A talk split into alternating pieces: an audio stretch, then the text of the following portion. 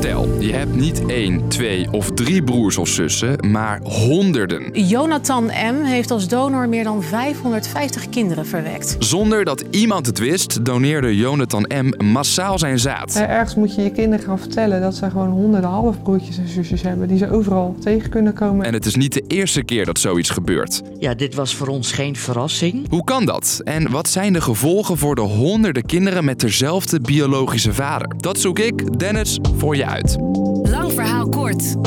Een podcast van NOS op 3 en 3FM. Zo'n 1 op de 6 stellen met een kinderwens heeft vruchtbaarheidsproblemen. Soms is een zaaddonor dan de oplossing. En als wensouder wil je natuurlijk het beste voor je toekomstige kind. Maar een wensenlijstje waar de zaaddonor aan moet voldoen, daar doet een vruchtbaarheidskliniek niets mee. Op het moment ja, dat de inseminatie plaatsvindt, heb je geen, eh, geen keus in van welke donor je wilt. Dat bepaalt de vruchtbaarheidskliniek. Je hoort Sandra de Vries van FIOM. Dat is een organisatie die onder meer kinderen en donoren met elkaar in contact brengt. Bij de donatie krijgt de donor niet te weten wie zwanger raakt en de wensouder weet niet wie de donor is. Dat wordt wel opgeslagen in een centraal systeem, zodat het kind vanaf 12 jaar een donorpaspoort kan opvragen. Daarin staat bijvoorbeeld de kleur van de ogen van de donor, hoe oud hij was tijdens de donatie en wat voor beroep diegene toen deed. En als het kind 16 is, Kun je de naam opvragen van de donor, de geboortedatum en zijn laatste woonplaats. Alleen als kind en donor dat allebei willen, regelt de organisatie van Sandra een ontmoeting. Nou, en onbeperkt kinderen verwekken, dat is niet de bedoeling. In het verleden bleek dat eigenlijk eh, met, met donoren dat daar eh, ja, heel veel zaad is gebruikt om ook heel veel kinderen mee voor te brengen. Waardoor er echt hele grote groepen donorkinderen per donor zijn ontstaan. Waarin kinderen eh, niet altijd gelukkig waren, maar de donoren zelf ook niet. Vruchtbaarheidsklinieken spraken in 2004 met elkaar af dat iedere donor maximaal 25 kinderen verwekt of bij maximaal 12 verschillende moeders.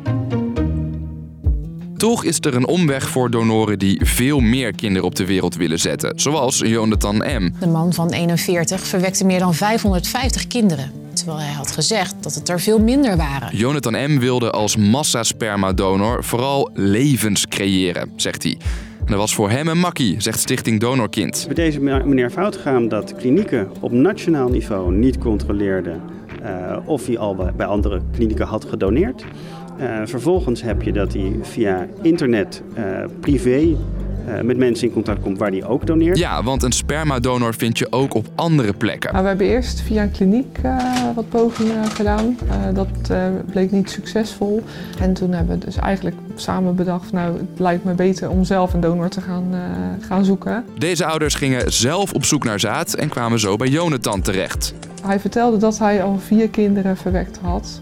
En eh, dat hij tot maximaal tien gezinnen ging helpen. Maar daar klopte niets van. En dat is sowieso lastig te checken. Er controleert namelijk niemand welke deals ouders en donoren samen sluiten. Laat staan in het buitenland. En dus kon Jonathan zeker 550 kinderen verwekken. Stichting Donorkind spande een zaak aan. Maar zelf heeft Jonathan er geen problemen mee, zegt zijn advocaat. Zo is Jonathan aanwezig geweest bij geboortes, bevallingen, bij de doop, eerste communie, kinderfeestjes, afzwemmen, voetbalwedstrijden, playbackshows, speeldagen of groep 8 musicals. Toch komen daar geen nieuwe verjaardagen bij. De rechter heeft besloten dat Jonathan nooit meer zaad mag doneren.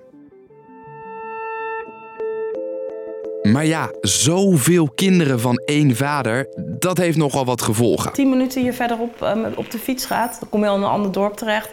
Woont al een gezin met kinderen van Jonathan. Ook Suzanne kreeg kinderen dankzij Jonathan zaad en kwam erachter dat ze één van de velen was, vertelt ze aan één vandaag. Een paar kilometer daar weer verderop, weer een gezin met kinderen van Jonathan. Als je die kant op gaat, richting, eh, meer richting de IJssel, dan kom je al je kinderen tegen van Jonathan. Je komt ze overal tegen. En het hebben van honderden halfbroertjes en zusjes heeft ook invloed op de kinderen zelf.